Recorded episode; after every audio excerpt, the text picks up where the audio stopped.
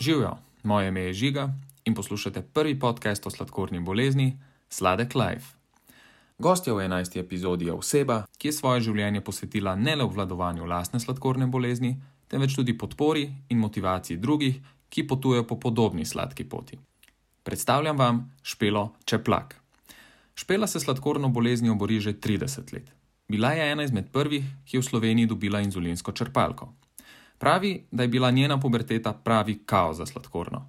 Imela je že več posegov na očeh, saj jo je zaradi neurejenega vodenja doletela huda bolezen oči, retinopatija. Kljub vsemu je našla pot do urejene sladkorne bolezni in postala tudi mati dveh zdravih otrok. Večina diabetikov pa jo pozna kot ustanoviteljico Facebook skupine Sladkorčki brez meja, ki služi kot prijazna skupnost za vse diabetike v Sloveniji. Špelo se dotaknava tem, kot so puberteta, uporništvo in slabo vodenje sladkorne bolezni, retinopatija in njeno zdravljenje, nosečništvo s sladkorno boleznijo in razlogi za ustvarjanje skupnosti Sladkorčki brez meja. Želim ti prijetno poslušanje. Enoč, Pela, kako si? Odlično. Na Vikend je. nedeljsko, nedeljsko jutro. Ker smo oba bolj, eh, jaz tisto podaljšam te vikende, probujem si vzeti čas, pa malo spočiti, ker ponovadi Tako. te dni kar divji. Tako da prosti, ker ti vo- motem vikend, Ni panike, veseljem. da dobro, da viš je dobro. Tako. Um, dej, lej, tako no, sej tako, kot vsakega vprašam na začetku. Um, dejva iti uh, čisto od začetka. Kako se je pri tebi cela zgodba uh, sploh začela s sladkorno boleznijo? Um, zbolela sem pred 30 leti, letos sem imela okroglo obletnico. Um, v bistvu, bila sem stara sedem. Pila sem ful, prav nenormalne količine. eh, Šla sem, imeli smo en eh, bar tule v Velenju, v centru, in vedno, ko sem šla mim, sem šla tja in sem spila, ne vem, pol litra soka na X. Um, šla sem doma, sem se skrivala v kopalnici in kar vodo izpod pipe pila, ker je bilo pač staršema čudno, zakaj to pijem. In sta me grdo, mislim, grdo gledala, čudno gledala, zakaj to pijem. Ne? Um, potem eh, posledično hujšanje, tudi ful. Um, v bistvu to so bili neki tisti prvi začetki. Uh, spomnim se tudi, da smo z mamo šle um, po hribu v mesto in meni ful slabo, ker naenkrat ratalo, in pol me je po hitrem postopku pelala k zdravnici Uh -huh. V zdravstveni dom, ampak takrat je sladkorna bila še ful v povojih, no niso še niti tako vedeli, kaj in kako. Katerega Um, leta je to, če, če lahko razkrijemo? 93. 90. 93. Um, in tudi v zdravstvenem domu našemu niso sploh vedeli, kaj je KGB, in so me pol v Slovengrad pelali. eh, V bolnico, tam tudi eh, so mi sicer vzeli sladkor, pa vse, in pol sem šla z rešilcem v, um, Mari, eh, v Ljubljano. Uh -huh. Tam je pa že bilo kar fejs kritično, no sem že bila v eh, komi, eh, so jim pol inzulin hiter, po hitrem postopku so pač ugotovili, da je to sladkorna. Ne? Uh -huh. Um, pol sem bila pa kar nekaj časa v bolnici in to je v bistvu ta začetek. No. Starša sta se pol, eh, včasih je bila prav šola za starše, da so hodili v bolnico, se učiti injekcije devati, meriti sladkor in to je trajalo. Ne pa po mojem, 14 dni ziher, Ja, ja, ja. da ste se to naučila. Ne. To sem, to sem tudi jaz dal čestekrat. Se to se mi je zdela kar dobra praksa. No. Um, Ja, ja, fajn je bilo. Glede na to, da si, mislim, tazga začetka še nisem slišal, da bi nekdo kar že uh, v komo na samem začetku padel, da se res to Mhm. pozno odkrije. Zavesti. Pa si bile. verjetno bila že kar dolg časa, uh, mislim, živela s temi simptomi, ni bilo to tako 14 dni. Pa, Ja, se je kar vleklo nekaj časa. Ja. ja. Kako so pa starši takrat uh, odreagirali na to, mislim, glede na to, da nobe, najbrž tudi poznali niso nobenega. Pa, Ja, šok je bil normalno fulne. Um, sicer spomnim se, da to ne čist toliko, samo kot sta mi povedala, je valjda bil šok, s- lastni otrok ti zboli za neozdravljivo boleznijo. Ne? ja, Um, ampak pol po tistem prvem šoku vsi ni bilo izbire, sprijazen se, iti naprej, se naučiti. uh -huh. Um, sta pol um, se tudi dosti hitro naučila, oba dva sta hodila v bolnico. Uh -huh. Um, in pol smo pač začeli na novo, dejansko. Na novo, ne. Ja. Ja. Pa, pa se spomniš, da bi, tako, da bi bila v bistvu v kakšnih trenutkih res prestrašena, pa da si mogoče bila celo, mislim, samo v mojem primeru bilo tako, da sem bil jaz celo bolj pogumen, kdaj od svojih staršev, ker um, sem, ne vem, kot otrok se mi zdi, da enih stvari ne jemliš tako resno, na nekem, se ne Ja. zavedaš resnosti nekih. Ne zavedaš se, kako resno. Ja. Ne vem, kakšna je bila Ja. situacija pri tebi, ali je bilo obratno, pa si bila ti mogoče tako prestrašena. Ali... Ne, mislim, da je bilo tako pretepno, da um, sem bila jaz tista, ko pač vse bo, pa se to ni tako hudo, vse bomo. Ne. Mm. Ker jaz se nisem zavedala, kaj to prenese na dolgi rok, da je to pač za celo življenje, da to ne bo zginilo, Ja. ker pač, ko bom parkrat injekcijo dobila. Ne. Mm. Ka- Kakšen način zdravljenja si pa imela čist na samem začetku, če se spomniš?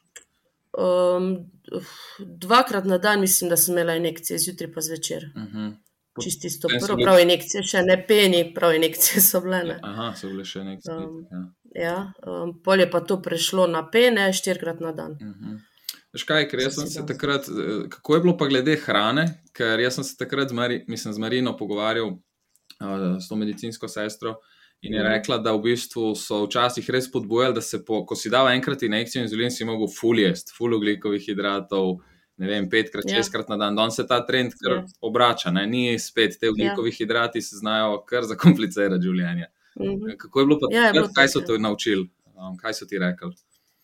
Ja, isto je, ja. da je veliko glikovih hidratov, um, najmanj pet obrokov na dan, točno ure so mogle Ja, ja. biti, ne, ob sedmih zajtrk, ob dvanajstih kosilo, bog ne daj, da si to kaj zamaknil. Mm.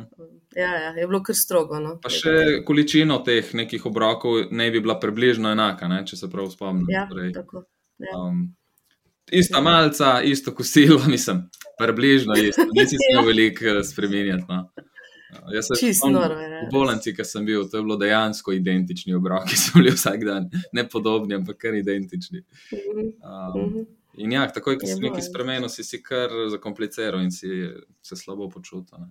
Ej, po kolkem Mhm. času si pa potem začela, si prišla na tehtanje oglikovih hidratov, pa potem, da si. Um, Eh, to je pol bilo s črpalko. aha, šele s črpalko. Um, ja. Jaz sem. Prej nismo nič tehtali, pa 2001 sem dobila črpalko, takrat je pa pol to se začelo. -huh. Se, eh, s to črpalko, koliko si bila stara, ki si, torej, ki si dobila črpalko? Um, čakaj, 16, še 15. 15. Aha. Ja. Um, pa si rekla, da si bila ena izmed prvih, v bistvu. Ne? Mislim, da prva deseterica smo bili, ja, ko smo jih dobili. Kakšen je bil pa razlog, da si, da si dobila? Totalno neurejen diabetes. Res. Ja, da mi malo, malo povej o tem. Rekla si, da si potem, ko si prišla v puberteto, si mi napisala, ko sem te prosil za opis, da je bil kaos. Ja. In kaj ta kaos pravzaprav pomeni? Um, v bistvu, ko sem jaz bolela, sta mi, mi je mami vodila sladkorno, cukre merila, pač vse je bilo tipi topi urejeno. Uh -huh. Pol pa puberteta, sem pa sama začela ne, to malo bolj voditi. Um, in v bistvu je bilo povod za to na mojo neurejenost neko nesprejemanje sladkorne v puberteti. Um, hotela sem biti, kot so vsi ostali, brez uh, omejitev. Um, in tudi, um, recimo, v šoli sem si takrat mogla ob 12. dati uh, inzulin. Uh -huh. Um, sem hodila, so mi omogočili eh, v kabinet učitlo, da sem si to dala. Ne? In pol je prišlo ven, da se drugiram, da, um, da pišem tam teste, pač vse mogoče. In to me je še dodatno, da jaz pa tega ne bom, da jaz ne bom ta oseba, ki pač to počne. Noro. Um, in vse to je pač pripeljalo do tega, da si tudi nisem inzulina dala. Uh -huh. Um, jedla sem vse, starša nista vedela, jaz sem hodila tudi v trgovino si kupovati zaloge sladkarij in sem to jedla. Um, cukra si nisem merila, pač živela sem življenje, kot da nimam sladkorne. Uh -huh. Pa Tu pa tam inzulin sem si dala, recimo štirikrat na dan bi si ga mogla, dala sem si ga ne trikrat. Uh, sladkorji so bili tako totalno neurejeni, hemoglobin je bil tudi nad 14, kar nekaj časa, aparat sploh ni pokazal več, koliko je bilo. ne. Um, tako da to no. Pa, pa zakaj misliš, da se je to zgodilo? Mislim, Kje ali je zdaj bila to neka občutek neke stigmatizacije, da so te drugi potem drugače na te gledali? Ker mogoče, ne vem, jaz se zdaj predstavljam vse. Ne vem, zdaj jaz lahko da bi čist drugače drageral, če bi bil v tvoji situaciji, ne? ampak mogoče bi samo skrival, torej ne bi pretiraval v tem načinu, da bi potem se prenažeral s sladkarijami, da si ne bi dal inzulina, ampak bi si mogoče na skrivaj to delal, torej samo skrival bi. Ampak tebi je pa Mhm. udarilo na tak način, najbrž si imela tok hud odziv, nek čustven, ne, da, da si v bistvu glih obratno, torej si še mnogo bolj poslabšala pol to situacijo. Pa za, zakaj misliš, Ja. da je do tega prišlo? Dejansko. Pa ne vem, jaz po mojem glih zato, ker sem pač hotela živeti eh, normalno, tudi ne da bi si naskrivaj deva, sploh si nisem hotela, nisem hotela nič imeti sladkorno in pač jaz je nimam. Kot da sem sama sebe hotela pripričati, da nimam sladkorne in da se bo ok. Mhm. Ampak ni bilo. Ne. Ja. Valjda, počutje je bilo slabo, ampak pač praktično vse mi je bilo. Mhm.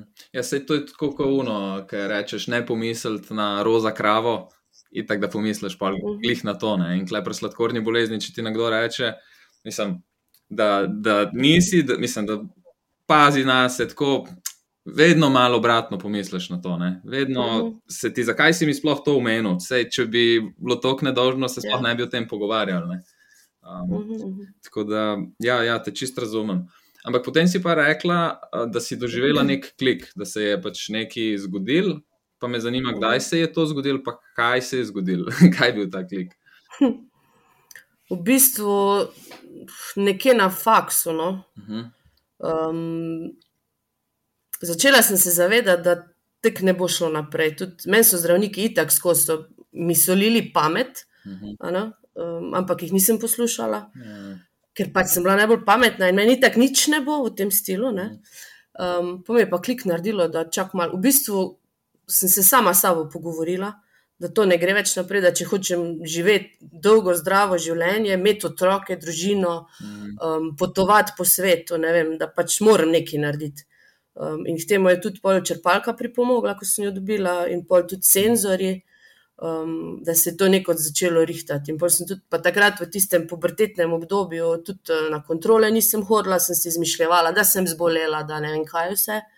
Um, eh, in pol sem tudi to recimo, začela redno na kontrole hoditi. Uh -huh. Uh, da so mi tudi zdravniki pomagali in sem sprejela to njihovo pomoč, ker sem vedela, da to delajo meni dobro, ne drugima. Ne. Mhm. Um, in potem se je pač začelo počasi, res počasi, pa so bili sponi in paci, Mhm. hemoglobin, preden je šel nazaj, je trajalo par let, ne, da se je to res zrihtalo. Ja. Um, še vedno se borim, ampak je dosti boljšno, kot je bilo. Mhm. Ej, da mi povej, kaj si glih omenila, da, si, da ti je črpalka pomagala, verjetno tudi uh, Mhm. pri tem, da si naredila ta klik, pa začela malo sebe Mhm. poslušati, pa svoje zdravje upoštevati. Um, jaz sem imel, pa, da, mislim, jaz sem se full branil črpalke. Jaz um, nisem se hotel, veš, to je bila pa ta, ta občutek, da sem postajam robot, da nisem sploh več jaz, Mhm. jaz ampak da me nek, Ja. vod neka zunanja stvar. In injekcije sem še sprejel, pač injekcijo sem si dal in sem bil potem jaz, spet žiga. Ne? Črpalko, Mhm. ko si pa enkrat priključen, moraš biti pa pač 24-7, si pa Ja. skos na tem. In, in sem se full branil. Zdaj pa ne vem, a ti si pa dejansko vedela, da, iz prve vedela, da ti bo to pomagalo in si rekla, da če jaz grem na to, ali si se tudi imela kakšne pomisleke glede tega. Ja. Ne, nikoli, nikdar, nobenih pomislekov. Manj, ko je, mislim, da je bila doktor Bratina, še takrat pobudnica, da jaz dobim črpalko. Jaz sem rekla, ja, takoj. Um, Mhm. mi smo bili tako neki, mislim, poskusni, pač prvi. Ne? Ja, ja. In a bi ti to, to bi te ful pomagalo, lahko bi si uredila in takoj. In od takrat naprej imam črpalko in je ne dam stran sploh. Pol ti je dobro predstavlja, predstavlja delovanje, pa vse pozitivne stvari. Ne? ja, ja, ja. Mene, mene takrat ni prepričalo, primeru, da sem kar dolg, dolg odlašal. Dokler isto se mi ni zgodila ena situacija, ki v bistvu ni bila, mogoče je bila povezana s sladkorno. Jaz sem doživel en tak burnout, torej pre, izgorel sem v enem obdobju, ko sem se pripravil za eno res veliko tekmovanje, za eno univerzijado. To so take študentske olimpijske igre. Bilo je nekje v Rusiji in jaz sem celo leto na polno treniral, tako dvakrat na dan po tri ure. Zraven sem faks delal, mislim, tako je bilo. Punco sem imel, ki je tako bil en stres takrat, ne, milijon enih stvari, pa še žurat se je mogel iti, kdaj če so prijatelji povabili. Uh, in, in to se je vrtelo skoraj eno leto, in sem pač doživel ta burnout. In uh, takrat sem pa vse probal. Sem rekel, jaz moram pač, meni se je kar vrt, vrtela se mi je soba, če sem nekam prišel in to parkrat na dan. Jaz sem bil čist tak čuden. No? In na koncu smo, mislim, čez čas smo šele ugotovili, da je pač to izgorelost, da sem pač čustveno pregorel. ampak jaz sem mislil, da je to malo sladkorna, kaj drugega. In takrat sem tudi probal, takrat sem šel v bistvu na črpalko. Torej se mi je mogla zgoditi res neka huda stvar, da sem Mm. rekel, zdaj bom pa probal. Uh, In tako da, ja, zdaj sem, mislim, zdaj ne bi nikoli šel nazaj. Zdaj ne bi šel nikoli nazaj, ker je pač um, toliko enih Mm. pozitivnih stvari, da pre, pretehtajo ja, negativne. enostavno ti res odzame. Ne? Ampak moraš pa razbiti to, um, ta predsodek, ne? sam pri sebi, predvsem. Uh, pa, Mhm.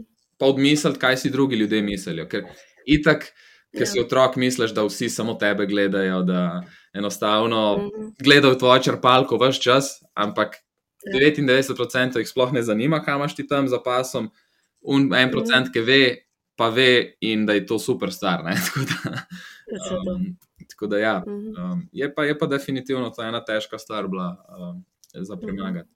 Um, ok, zdaj pa če greva naprej, ko si rekla, no, ta puberteta je bila kaos in tako naprej, potem si ta klik doživela.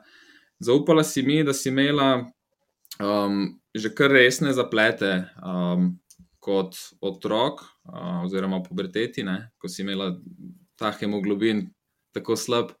Um, da mi povej, kaj je bil ta resen zaplet, um, pa kako je izgledalo tisto obdobje. No? Ker jaz na srečo tega, pa mrz kdo tudi ni doživel, pa se mi zdi prav, da se take stvari, mislim, sem vesel, da, da boš dejansko delila to, uh, da lahko pač komu predstavimo ali pa mogoče celo preprečimo neko tako situacijo. No? Ker se mi zdi, da se premalkrat pogovarjamo o teh stvareh. In um, ti si to premagala nekako, no, in, in si en tudi tak zgled, se mi zdi, mrzkomu boš in si zgled. No, tako da, če lahko malo to Mhm. predstaviš. Uh, Meni se je začelo to leta 2010, v bistvu bi lahko rekla čez noč. Jaz ni tako redne kontrole sem imela pri svojem uh, okulistu, ampak uh, na očesnem ozadju se pač ni nič kaj dogajalo. Uh -huh. Uh, Potem se pa eno jutro zbudim in jaz sem dejansko videla, zato je mogoče malo težko razumeti ali predstaviti, kot da bi mi en tako pred obraz, pred oči dal pajkovo mrežo. hmm. prav tako črne črte so plavale gor dol. Ne? In jaz sem tisto učke pomanem, nisem sploh vedela, kaj je, in to ni nikamor zginilo.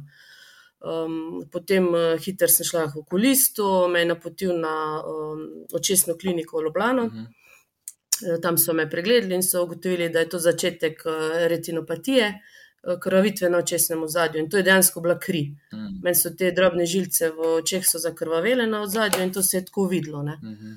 In zdaj zdravljenje tega je bilo tako, da sem uh, hodila na laser, mislim, da vsake tri mesece, če se ne motim, na začetku, da so mi te žilce dejansko zapečatili, da se ni to naprej razlivalo. Ne? In tega je bilo, teh pečatov je bilo ogromno, par tisoč. Um, Pol se je to mičkeno umirilo, potem so mi probali z uh, temi biološkimi injekcijami to čistiti, umiriti, pač, da ne bi to šlo naprej, tis ni bilo nekega učinka. Pa v tem času, ko so ti te naredili uh, je- operacije, pa te stvari, je se je umirila situacija, torej si normalno videla.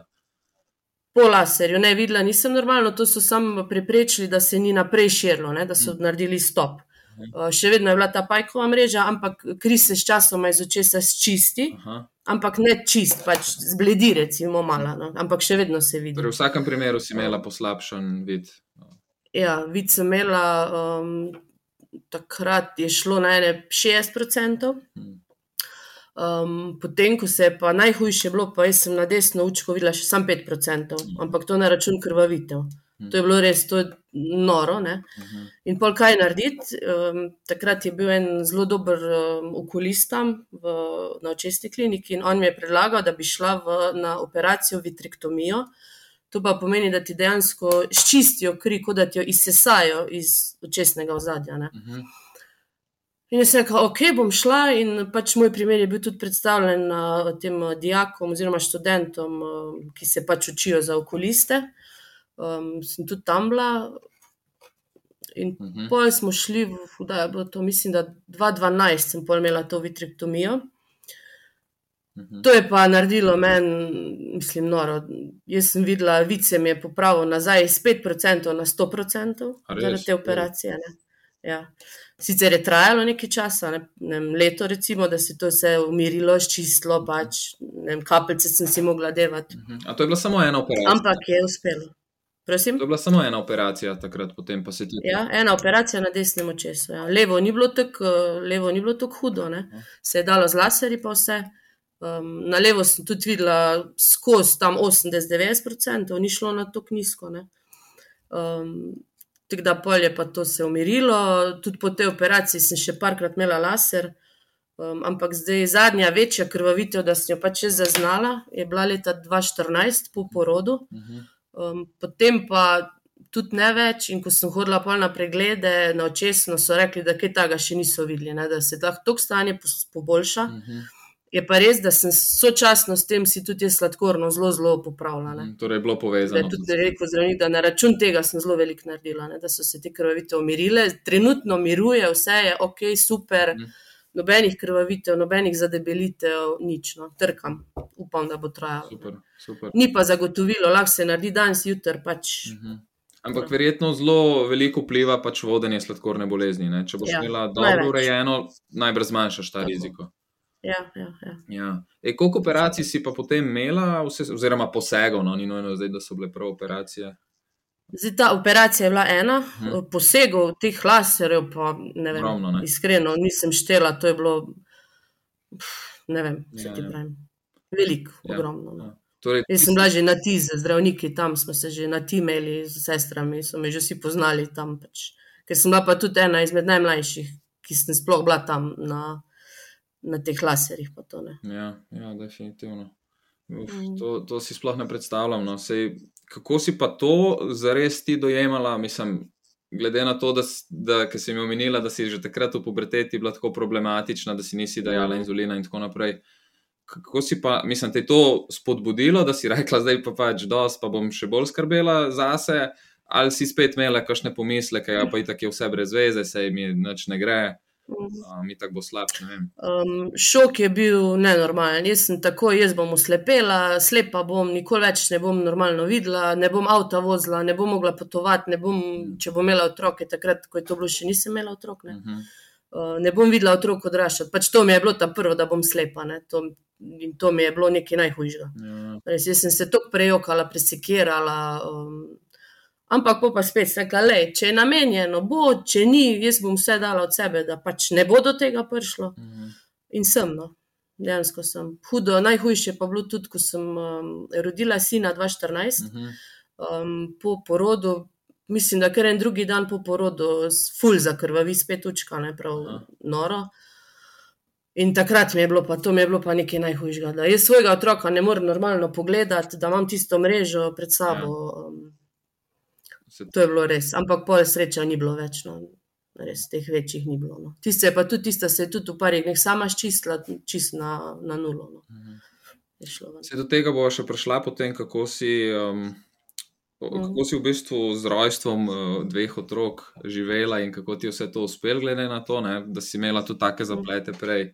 Um, ampak ja, mogoče še eno vprašanje se mi klepo raja. Prej smo tudi malo starši govorili, glede na to, da si dokaj mlada imela te težave, pa potem posege, uh, pa retinopatijo nekako napovedano in tako naprej.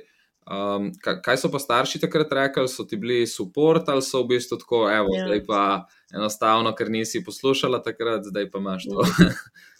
Ne, nikoli, nikoli nisem tega od njiju slišala, tudi v tistih najhujših časih. Vedno sta mi bila full v oporo, še zdaj sta mi. Um, vozila sta me na uh, vse te preglede, operacije na očesno, pač, ker itak, takrat moraš imeti nekoga zraven, ker ne smeš Ja. voziti. Ne. Um, tako da res, od samega začetka skozi podpora 100%. No. Super, Tudi od prijateljev, od sorodnikov, drugih, vedno. to je res lepo slišati. Mm. Um, prej si tudi omenila, no, sej, že parkrat zdaj sva napovedala, da si uh, mama, da si mama Ja. dvema, kako eno fanko, eni punčki. Um, Mhm. Dej, mislim, jaz, ki sem se z Marino pogovarjal, jaz dejansko nisem vedel, da je bilo še 30-40 let nazaj v bistvu uh, nekako prepovedano uh, diabetikom uh, tipa 1, ženskam govorim, rojevati. ne. Uh, oziroma so to na skrivaj delale in tako naprej, če že. Um, Mhm. ker je bila stigma, oziroma ni bilo dovolj raziskav na tem področju, da enostavno um, ta otrok ne bo preživel, ali pa da z njim ne bo vse v redu. ne.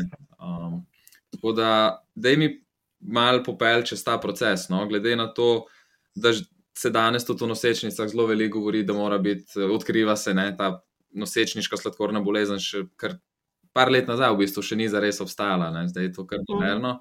Ampak ti si pa tip ena, to je najbrž čist druga zgodba, kot Ja, ja. ena punca, ki ima povišen sladkor na 8, pa je že grozno. ne.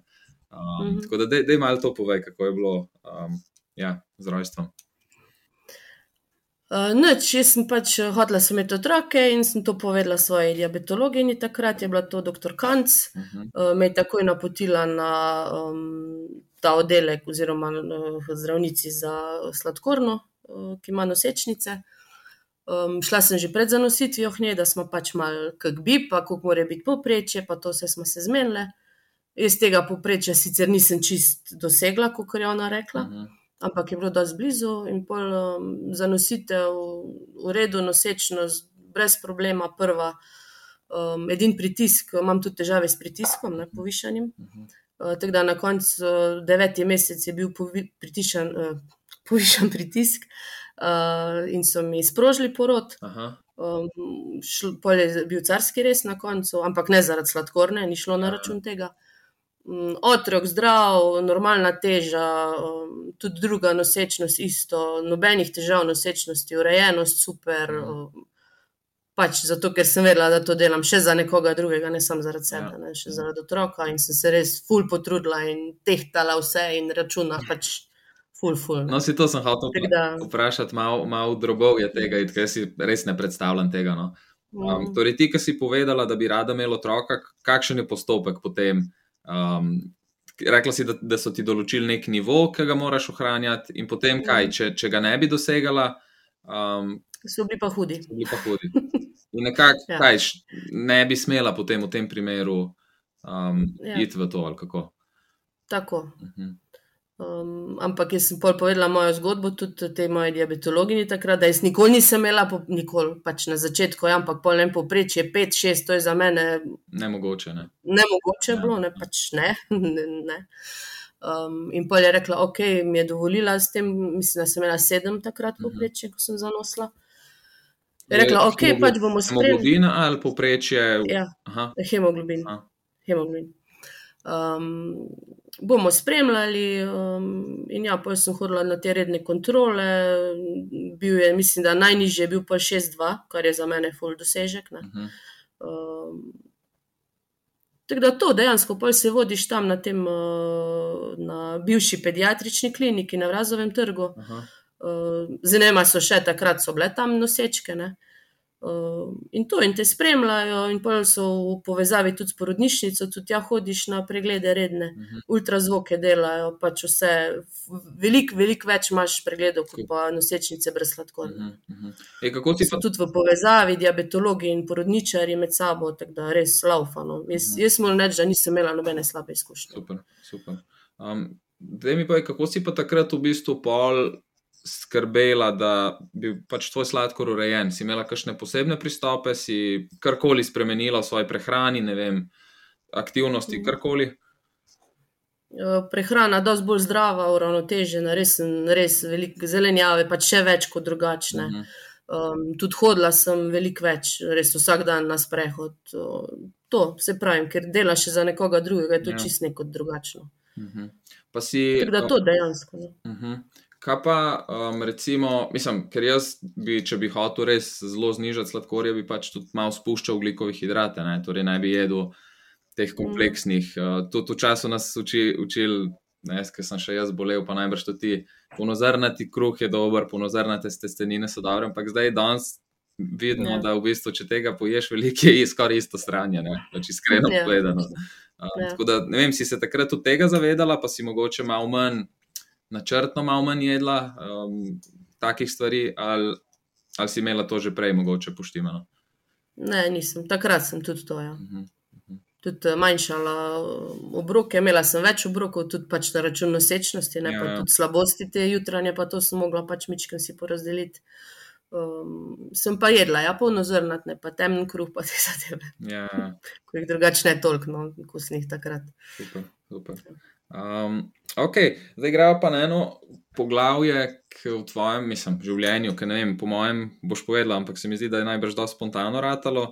Pa ne vem, če sem ti omenil, ampak um, moj, jaz ti tako te poznam pod tem, da si ustanoviteljica ene skupine na, na Facebooku, ne? ena taka grupa, lepa, koliko ima zdaj že okrog 2000 članov.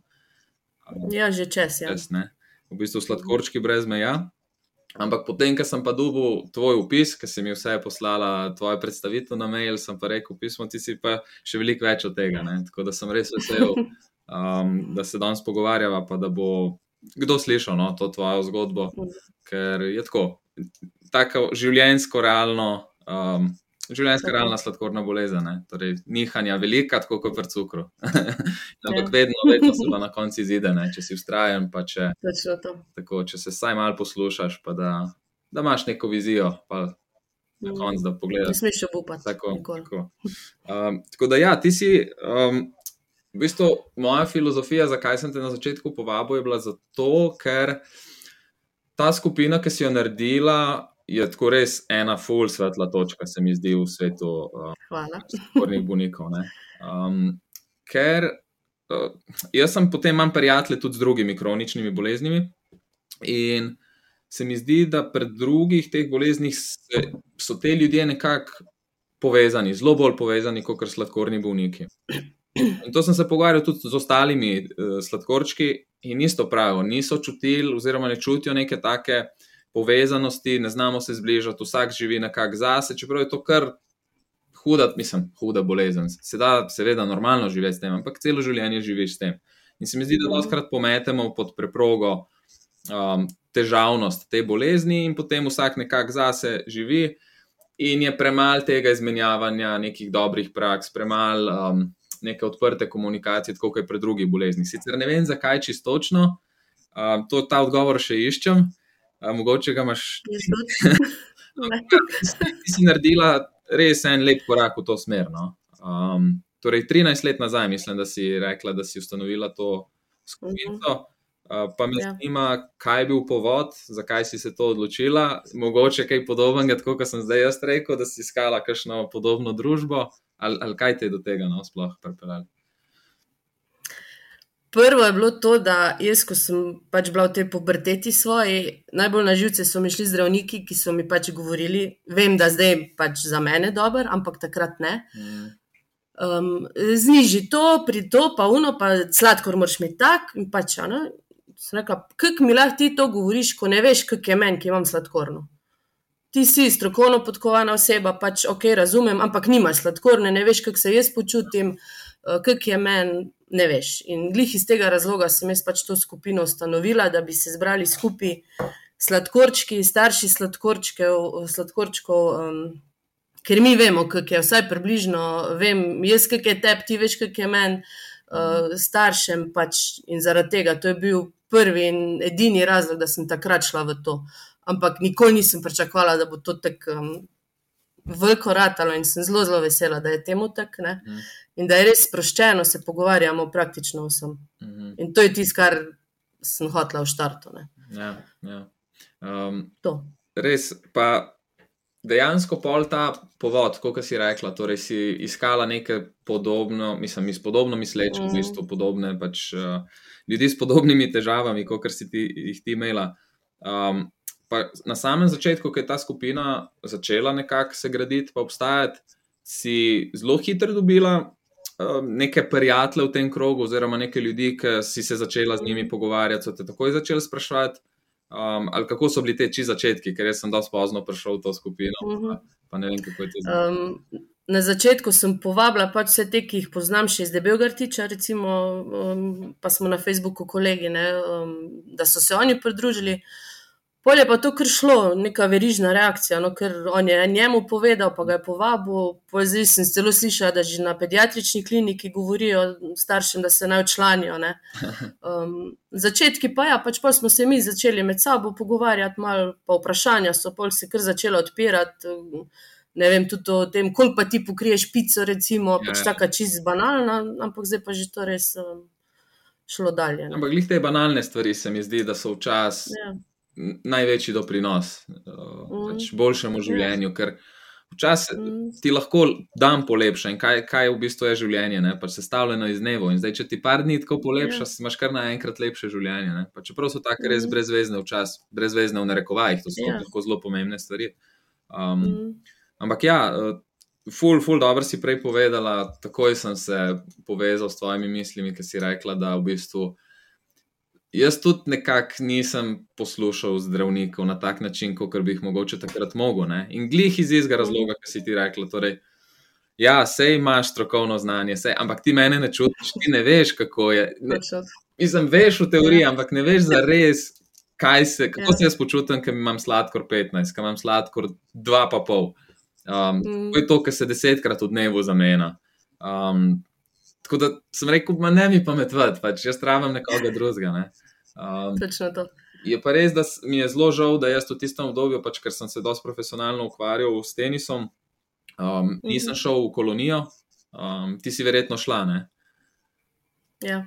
Pa ti Sem je. bila kot, uh, tam kot uh, pač, um, v koloniji in pol tudi kot vodička par let. A, super, super. Mm. Verjamem, da ti je najbrž zelo, zelo pomagalo to. Ne? To jaz vsakmu rečem, ko ga poznam. Pejt, del otroka v kolonijo, to je sam dober. Ne, pa, lej, Ja. Mi smo se imeli full fine, prijatelje sem spoznala, še zdaj imamo stike z marsikom. Um, vidiš, da nisi sam, Ja. da jih je zelo, zelo veliko takih istih, ne sladkorno. Mhm. In uh, res. Ja, Super. Jaz sem se takrat počutil kot. Prvo, nisem imel res časa, težko bi cel teden si vzel, ker brez treninga ne bi mogel. Mhm. Drugo sem imel pa en tak zelo čuden predsodek, ne vem zakaj, pač tako sem razmišljal takrat, ampak tam se bom spet sam sebi smilil, ker bojo drugi z istimi težavami kot jaz, pa bomo samo o tem se pogovarjali, pa spet moram samo o sladkorni razmišljati in tam bomo samo o tem govorili. Uh, zdravniki mi bojo spet pametvali, ker so tam. Ne? In sem imel iskreno odpor takrat no, do, do tega. Zdaj vidim, je da glih to bilo tisto. Kako? Ja. Meni je glih to bilo, da bodo vsi isti tam in da se bomo lahko o tem pogovarjali. in Da, glih to mi je bilo fajn. Ne. Ja, ti si pač drugače razmišljal takrat. Ne? In, in, ja, meni je Pa ne bom, um, sestra Marina, ne, Uh -huh. nikoli ne bom pozabila. Ona je šla z nami na avtobus in je rekla, veš, da na začetku, jaz sem bila stara, mislim, da je že kar prvo leto ali drugo sem šla, ne, ko sem zbolela. In mi smo se jokali, ko smo šli na debeli rtič, pa ne bomo starše videli, pa 14 dni, pa številne. In je rekla Marina, čakajte, zdaj se joče, ko gre tja, čez par let se bo jokala, ko bo šla nazaj domov. Ja. Sem mislila, ne, ni šans, ne, in je imela prav. Je, ne? Ker čez par let smo se jokali, po 14 dneh, ker res se tako navežeš na te, ki so tam dol, ne, in skupaj v sobi in se družiš 24 ur na dan. Mm. Res, čez par let smo se pa jokali, ker smo mogli domov. to je sestra Marina rekla takrat. Ja. Izkušen. Pa jokali bodo sam do, do postojne, naprej noben ne joka več, to je imela prav. Ej, da mi povej, uh, kako pa ohranjaš, mislim, koliko imaš kaj prijateljev iz, iz sladkorno boleznijo, tipa ena. Ohranjaš te stike, se še videvate na kakšen način? Videvamo, žal ne, bi rada jih živela. Menimo se velikrat, da bomo šli na debeletič jih pogledat, ne? ampak še ni uspelo. Um, tule v Velenju imam eno, dve, ko imata sladkorno, iz debelega rtiča se tudi poznamo. Tako da z njima sem doskrat, no, uh, smo skupaj, se družimo. Uh -huh. Um, drugače pa prek Facebookov, Instagrama, pač teh socialnih omrežij. ne. Uh -huh. To. Da mi povej, eh, čistko, mogoče moja radovednost malo. Um, ta skupina, ki si jo ustanovila, si imela mogoče kakšno vizijo, tako si si sploh predstavljala, oziroma ali kakšne cilje konkretne, kaj bi lahko še iz tega naredila, če bo kdaj ratalo v tako skupnost kot zdaj, ali si rekla, tole naj bo eno čist tako sproščeno okolje na, na Facebooku in naj živi, kot živi, ali si imela kaj bolj uh, konkretno začrtano. Jaz sem že bila v, skoraj v postopku, da bi jaz to kot društvo ustanovila. ne. Mhm. Um, in pol smo imeli, to je bilo, je kar tam mene deset let nazaj, no, že dolg. Um, sem organizirala neko srečanje v Ljubljani in se jih je prijavilo kar ene 30, no na koncu sem sama sedela v kafiču in jih čakala, in nobenega ni bilo. Um, in sem rekla, ne, vertik, ne grem se več, to bo na Facebooku in tam je ostalo. No. Zdaj ne vem, mogoče kdaj bo kaj več iz tega. Um, že dosti bi bilo, da bi se pač sam dobili nekje, pač, Ja. na ogari najni pijači, Ja. da se uživo spoznamo, vidimo. no. Tako da mogoče bo v prihodnosti se kaj razvilo To iz tega. bil začetek, ja, tako kot si rekla, da se Ja. zdaj zbereš, pa da, se, da si roko daš, pa Ja, pogledaš, katero črpalko imaš, če ne drugega. točno to. Super, super. A, mislim, lej, sej, kaj jaz s tem podcastom hočem delati, točno to, da pač um, na nek zdaj malo bolj moderen način, um, te podcasti so zelo popularni. Um, tudi mladi se mi zdi, da zdaj malo več to poslušajo, kot gledajo Mhm. Facebook uh, in tako naprej. Um, da, da se ustvari torej neka skupnost. No? Um, to, to, kar manjka. Ja. Čeprav je to na nekem takem kanalu, kot je to. Um, ampak ja, da, da vejo, da jih tam nekaj čaka, kar lahko poslušanje namenjeno njim. Pač dejansko uh Mhm. -huh. zelo nišno usmerjeno, ampak tudi če samo 10-20 ljudi to pač nekako posluša, pa če jim en stavek, ki si ga ti danes povedal, recimo pomaga, pa polepša dan ali pa dobi neko idejo Ja. in mu naredi dosti. ne, ki si ti prej govorila. Jaz mislim, da smo naredili več kot dovolj. Pač. ja, se strinjam. Tako da se mi zdi, no, da ja, želim, vse idej imam zdaj še veliko, zdaj sem začel tudi v bistvu malo um, s temi krajšimi videi, bi imel na TikTok, glede na to, da so tam dejansko zdaj mladi res. Mm, Bi imel te izobraževalne vsebine, začel delati za njih, um, kaj je sladkorna, neke take čist banalne stvari, ki, smo se prej pogovarjali, ampak se mi zdi, da jih mladi, mlade zanima, pa ne znajo uh, iskati teh informacij. Um, in in ja. TikToku pa spontano pride do njih. No. Tako da um, razmišljam. dober, ja. no, v tem sem zdaj začel, pa bo- bomo videli, no, lej, sej to delam čistko iz gušta, ker res rad. Pač, um, ker to živim celo življenje, razumem te stvari. In um, zakaj ne bi predal neke svoje dobre prakse, pa če kdo mm. Mhm. vidi to, pa, pa si zapomne, pa mu pomaga, zakaj pa ne. ne. Um, Podpiram, super. Dobra ideja. Hvala. Um, Daj mi zdaj povej, ti si se um, v bistvu, tvoja karijera, no zdaj si kot um, spremljevalka ne, otroka s sladkorno boleznijo, študirala si pa čist nekaj drugega. Um, Ja. Pa kako si sploh prišla do tega, kako se je ta uh, zamenjava karijere zgodila? Um, ja, jaz sem študirala turizem, Uh -huh. um, ampak pol po študiju dejansko jaz nikoli nisem delala v turizmu, ker je bila pol nosečnost, pa eh, potem ni bilo že več, um, pač ni bilo um, izkušenj. Uh, hoteli so imeti vem, znanje petih tujih jezikov, pač take nenormalne zahteve. Uh, pol je bila druga nosečnost in pač nikoli ni prišlo dejansko do tega. Ne. Mm, Spremljevalka sem pa postala, zato ker je uh, od mojega sina sošolc je zbolel Uh -huh. uh, za sladkorno dve leti nazaj, mislim, da letos januarja pa dobil črpalko in senzor. Uh, in pač so rabili spremljevalca, in jaz sem bila momentalno takrat brez službe, so mene prosili, jaz sem rekla, ja, in to je to, zdaj sem tu. Čistko v bistvu iz danes na jutr, ne sem postala spremljevalka in mi je fajn, zaenkrat moram reči, da je super. No. Uh -huh. In koliko časa zdaj to že delaš? Prosim? Koliko časa zdaj to že delaš? Um, zdaj od septembra. Bila sem Aha. uh, junija en mesec, čez poletje ne, zdaj pa spet od, od septembra. No. Aha, Tako. aha. Pa prej si pa v turizmu delala, kako? Ne, nikoli v turizmu. Prej sem bila v trgovini nikoli? 8 let. Ne, ne, nikoli. Kako pa to se ti je čist, uh, ne vem, nekako si zasovražila to, ali, ali kaj je bilo? ne, težko je v turizmu, če imaš dva mala otroka. Ne, um, pač turizem vemo, da je skozi. Je petki, nedelje, prazniki, popoldan, zvečer, po noč, pač skozi je turizem. Ne. Ja. Uh, Težko je dobiti nekaj, da delaš samo od ponedeljka do petka zjutraj. Pač nemogoče, no, praktično. Ja. in to je bil pač, da ne bom očitno nikoli delala v turizmu. Ne. Mhm. Ej, kakšne so pa zdaj te razmere uh, s temi spremljevalci po šolah? Um, vem, da se je to zelo razpaslo, mislim, vse je super, ne? definitivno. Ampak me zanimajo, takrat, ko sem bil jaz, nisem poznal, mislim, ni nobenemu pripadalo za res, da ima lahko spremljevalca. Kak, je kakšen je po Kako je urejeno glede tega? Um, v bistvu ne vem, dejansko nisem se še tako poglobila, koliko je. Ampak jaz sem uh, prek zavoda, oni so objavili dejansko razpis Uh -huh. uh, in se prijaviš isto prek zavoda, ne, mislim, pošleš prijavnico in to je to.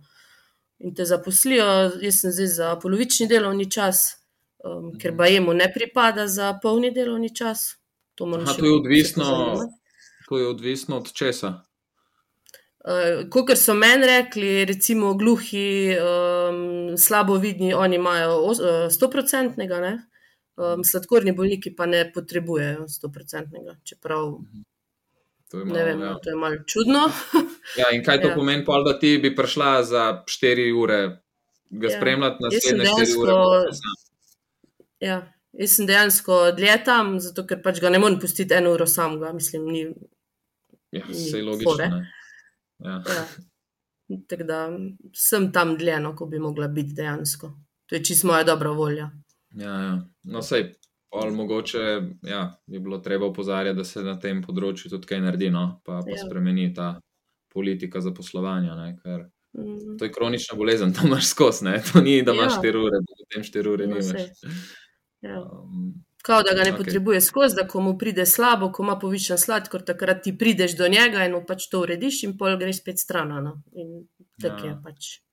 Koliko dela ti pa zares, mislim, tako um, vzame, definitivno si nek angel varoh, ker se, če se karkoli zgodi, si ti prva tam in moraš pač stvar rešiti, Mhm. to je pač velika odgovornost. ne. Um, Mhm. ampak tako gledam z vidika otroka, zdaj, če bi jaz bil v osnovni šoli in mi nekdo rekel spet, da en mora biti zraven tebe. Kot spremljevalec bi spet malo tako gledal, kot jo, ko mi zdaj ta teži, sej bom. Ne? Um, Zdaj ne vem, kakšno Mhm. imaš ti izkušnjo uh, na tem področju. Mhm. Um, ne vem, jaz mislim, da temu mojemu um, se fajn zdi, da ima nekoga zraven. No? Pač tako, um, on je zdaj full frajer, ker ima še nekoga. Ne? Tako on gleda na to. Ni uno, da eh, mu ni ok, ampak je prav vesel, da pač je on en izmed redkih na, na šoli, te, ko jaz, smo štirje spremljevalci, jaz sem edina za sladkorno. Um, in pač ti štirje otroci so full, full fajn, full je fajn. Ne? Zanimivo. Jaz tudi eh, takrat v svojih časih ni šans, da bi kjer bil z mano Ja. tam. No, se to. Ne. Ni osnovnih, res. Zdaj pa njemu je pa ok. No. Um, da mi povej, pa potem, tako kot sem rekel, v bistvu, kako to zgleda v praksi. Jaz si ne predstavljam. Um, ti mu pač pomagaš potem pri pr malcah, nekaj izračunate ugljikove hidrate, inzulin dati. Um, ne vem, Mhm. predšportno najbrž uh, prilagajati kakšne odmerke, oziroma Ja. uh, paziti, na, da, da poje dovolj ugljikovih hidratov, najbrž moraš biti z njim po športnih dnevih in tako naprej. Um, si prav predstavljam te stvari, ali v bistvu ti prideš, ne vem, pa si tam enkrat na dan skrita, da, da to mi malo razloži tako konkretno. Ne, jaz eh, v bistvu zelo dobro sodelujem z vodjo prehrane na šoli, Aha, tako da dobim, dobim dejansko jedilnike 14 dni prej in vse pregledamo, skupaj se usedemo, kaj bi zamenjali, je to ok ali ne. In pol mi ona dejansko že vse preračuna, ohaje, jaz sam potrdim, ja, to štima, to ne. mhm, Um, in pol, ja, um, med malcem sem z njim, da mu prav čas vnesem, pač pogledam, koliko ima sladkorja, glede na sladkor, pol mu dam ohaje. Um, potem uh, med športno, um, da mu dam začasni bazalni, um, ali mu izklopim črpalko, pač odvisno. mhm. Pa ja, športni dnevi, pač to. Dejansko sem tam v razredu ali pa pred razredom sedim, Mhm. uh, če mu črpalka karkoli zapiska, visok sladkor, tek ne morem kaj dosti narediti, Ja, bo ja. sama. Um, pri hipi pa pol tudi, da mu hipo rešujem. Ne. To je v bistvu moje delo. Tako. Pa tudi sem nek njegov podporni sistem, Mhm. da če karkoli um, se slabo počuti, ga trebušček, bolj pač karkoli, jaz sem tam, da mi prije to povedati. Ja, ja. A, super, pa se tudi To tako je. spustiš v, v prehrano in, in mu prepraviš tudi naprej. To je super. Ja. Ker vem, ja. da Ja. takrat, ko sem bil jaz, so bile pač kuharice prepuščene samemu sebi. Ja. Ne, pravzaprav. uh, in um, je bilo kar problem. Jaz sem bil prvi diabetik takrat na šoli in niso nič Mhm. razumeli za res. To smo v bistvu jaz, moja mama, smo jih učili, kaj, uh, kako izgleda sploh prehrana diabetika, kaj ne bo na jedilniku. Potem smo mi to gledali doma, ali je v redu ali ni. In to se je res počasi, počasi izboljševalo. Mhm. Um, Mhm. tako da, ja, takrat je Se on je tudi, um, on je tudi prvi diabetik, ne? Mhm. Uh, tako da se tudi še kuharci učijo in ta vodja prehrane, ampak uh, moram reči, da so se zelo, že zdaj, kot dva meseca, um, so se fulo nesle, no, že ful obvladajo, že lahko rečem, da kam lahko dajo, pa ne, pa tudi ugljikove hidrate. Tudi mene vprašajo kuharce, če kaj nimajo, ali lahko zamenjamo s tem, ne vem, bel kruh s črnim ali pa pač take neke. Mhm. tako da res zelo dobro sodelujem, no, glede prehrane je super. Ja, glede tega se mi zdi, da smo kar, Ja. uh, kar rastemo. No? Um, Ja. smo, smo zelo napredovali in tako zelo hitro. Um, veš kaj, vsakega, vsakega gosta vprašam, kaj misli, ali bo sladkorna bolezen ozdravljiva, ali bomo vedno živeli s tem, tako kot smo. Jaz um, upam, da bo, no. sicer jaz tega ne bom dočakala, dvomim. Ampak uh, mislim, da enkrat, čez ne vem, sto let bodo ugotovili neki, da za vse bo, tudi ne vem, za vse možne bodo najdli nek, neki bo. Neki bo, ne, samo vprašanje časa. Ja. Ja. Ja. Uh, veš kaj, da mi povej, kaj se zdaj, s čim se zdaj kaj ukvarjaš, tako v prostem času, kaj rada počneš. Tako, greva na bolj sproščeno temo. Um, pa, pf, prosti čas, uh, z otroci ga preživljam. Pač. Veliko smo odzuni, res vsak dan, ni važno na vreme, gremo vsaj na sprehod, če druga ne. Um, obožujem morje, tako da, kar je možno, pobegnem na morje. Uh -huh. Uh, dost plavamo, letos smo bili cele počitnice na morju, pol kolesarimo, mm, sprehodi, predvsem pa sprehodi, ne gremo na igrišče, se tam lovimo, pač to.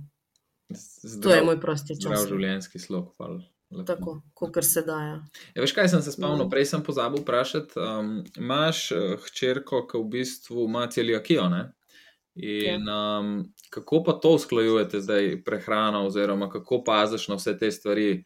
Um, ker je že sladkorna, od, odzame nekaj časa, pa pa celiakija, ki je pa spet mal druga skrajnost. In kako Mhm. to poteka v hiši?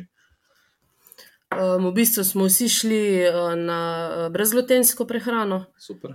Um, edin uh, um, kruh ima sin, pa jaz imam svoj kruh, ampak čist na ločenem pultu, ločen nož, ločena deska, pač vse čist Mhm. stran. Uh, drugo pa vse jemo isto kot Nina. Ne. Testenine imamo brezglutenske, moka je brezglutenska, pač vse.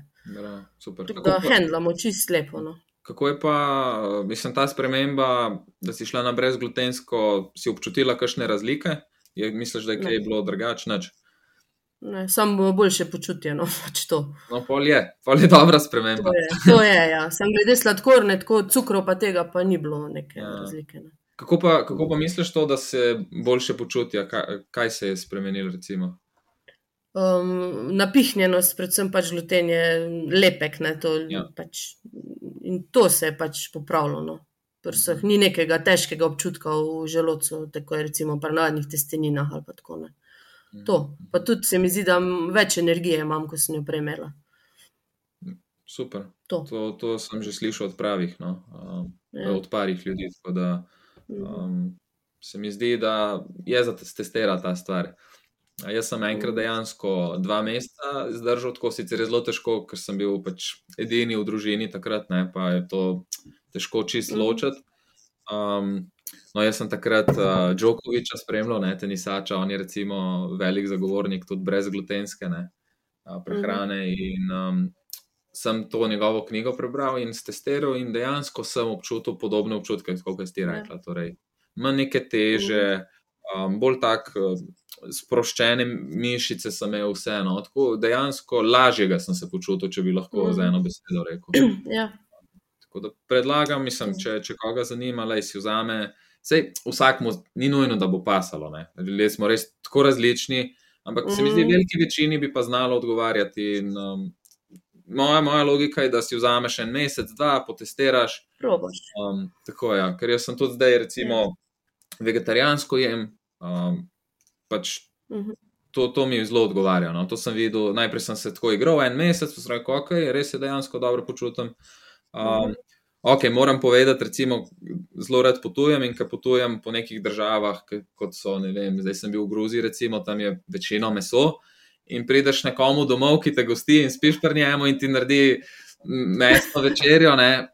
Zelo težko rečeš, nisem tako strogo, pač bom Ja. jedel iz vljudnosti. In, in, ampak takoj čutim Mhm. razliko, takoj se slabš počutim. No? Ker zdaj se je telo že Ja. tako navadilo na to, um, da enostavno ne, ne prebavljam dobro te, te hrane. No? Mhm. Tako da, ja, jaz vedno pravim, poslušaj sebe, testiraj, pa vidiš, če ti Ja, paše. pa vidiš, kaj je. Ja, sledi temu naprej, če ne pa pač za meni, pa nekaj drugega ne najde.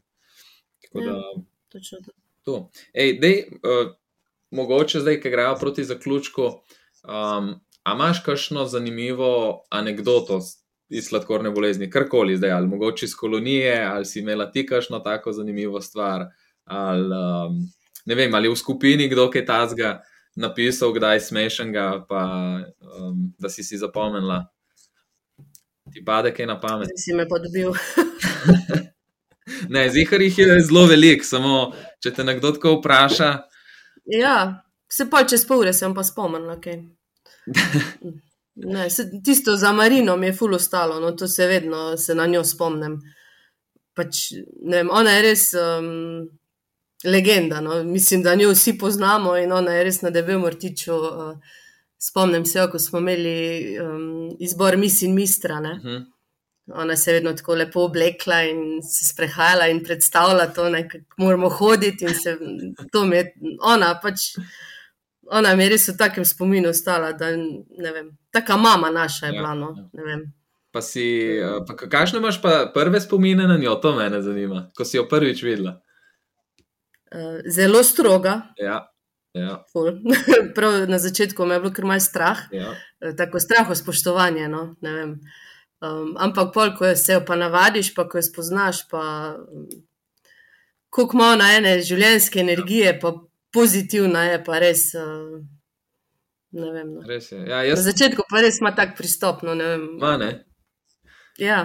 Ja, jaz sem jih tudi iskreno, iskreno sem jih povedal, ko smo snemali, sem rekel, Marina, zdaj ti moram pa res pač iskreno povedati. jaz sem se te bal na začetku, ko hudiča. Ja. In meni si bila grozna, pač meni si bila res prav, eh, bal sem se te in, in mi nisi bila všeč.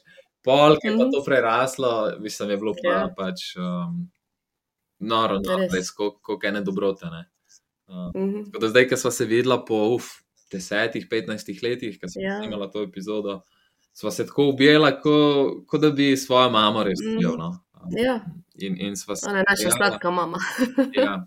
In res ima toliko enih zgodb in toliko enih izkušenj, da jaz mislim, da bo mogel še kakšno yeah. epizodo z njo posneti. Ker, mm -hmm je res zanimivo je poslušati. No. Ne zmanjka, ino. Ja, ja. Ja. Evo, vse se počasi bližava koncu. Um, jaz mislim, da je bilo tako zelo zanimivo. No. Jaz sem uh, vesel, da si se odzvala. Uh, ja, nekaj časa smo se lovila, ker imaš pač dva otroka in, in je to res, res problem. Zato evo, v nedeljo zjutraj snemava. Um, tako da ti predajam eno mogoče neko zaključno misel, no? uh, če lahko deliš kakorkoli, lahko je še na svet ali pa nekaj sproščenega. Um, ne vem, ne obupati, no. uh, vedno se vse se da poštimati z ustrajnostjo. Um, mi smo tudi v skupini, učlante se, um, pomagamo z veseljem, z nasveti, z podporo, karkoli. Um, jaz mislim, da je en živi dokaz, da se da, ko si poštelaš v svoji glavi, ko sprazniš pod strešje. Uh, um, da gre, no? da se tudi iz nekaj zelo hudega lahko nekaj zelo dobrega naredi. Tako da ustrajati, pa pozitivno naprej. To je to. Z nasmeškom na obrazu in vse bo ok. hvala ti, Špela, hvala. Hvala tebi.